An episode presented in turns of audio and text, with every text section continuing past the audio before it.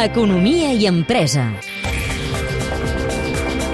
L'actualitat empresarial, laboral i econòmica a Catalunya Informació. Avui ens fixem en una història d'èxit, el d'una marca i el d'una cançó. Yo soy aquel negrito del África tropical que cultivando cantaba la canción del colacao. La cançó del Colacao és Xavi Pons, conseller delegat d'Idilia Foods, fabricant de Colacao. una de les icones de la publicitat dels últims eh, 80 anys. La cançó, Manu Guix, compositor. ostres, és un jingle que ha causat un impacte doncs, enorme no? i que realment tothom se la sent molt seva. És una de les icones de Colacao i representa molts dels valors que Colacao sempre ha volgut transmetre, l'alimentació, l'energia, l'esport. Lo toma el futbolista para entrar goles, también lo toman los buenos nadadores. I el que passa és que hi havia altres elements de la cançó que s'havien d'evolucionar i ajustar als temps que corren i això és el que han fet Hay cosas que nunca cambian, que siempre serán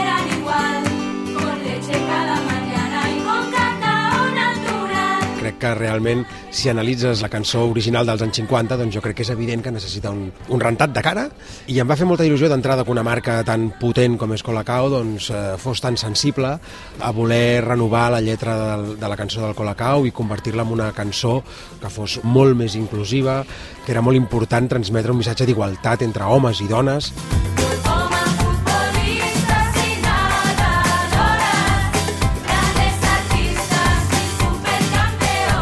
Però deixem de banda la cançó.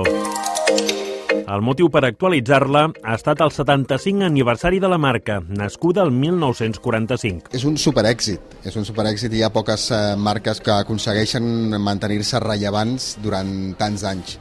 I això ve de, de combinar, de combinar coses que no es poden tocar perquè són part de la marca i no es poden tocar, però també evolucionen algunes, algunes coses com la innovació, nous productes, I una de les coses que no es toquen és la recepta original, una recepta que es guarda amb zel i que només coneixen un grup reduït de persones. L'original no el toca, sobretot perquè el consumidor no ens deixa tocar-lo. El consumidor adora aquesta marca, adora aquest producte. Cada dia es prenen més de 4 milions de tasses de llet amb colacau a Espanya i això et diu que, que el producte està molt bé com està i que no es pot tocar perquè el consumidor ens diria que, que no és el seu colacau. Al final del procés d'elaboració es fa en una àrea protegida de la fàbrica de Parets del Vallès. Només hi tenen accés tres persones amb contractes estrictes de confidencialitat. Per les seves mans passen cada any 20.000 tones de colacau. I alerta, al contrari del que es pugui pensar, gairebé la meitat la consumeixen adults. Darrere de Colacao hi ha l'empresa Idilia Foods, sorgida de l'escissió de l'antiga Nutrexpa i propietària d'altres marques reconegudes, algunes que també tenen darrere altres hits publicitaris. Una companyia que confia en 75 anys més d'èxit. És una empresa familiar de marques icòniques eh, com, eh, com Colacao, com Nocilla, com Paladín, eh, una, una empresa familiar amb, amb vocació de futur, de llarg plaç, eh, i, que, i, que vol, i que vol que en els pròxims 75 anys, ara que Colacao fa 75 anys, els consumidors continuïn disfrutant dels seus productes, eh, mantenint l'essència però adaptant-se als nous temps.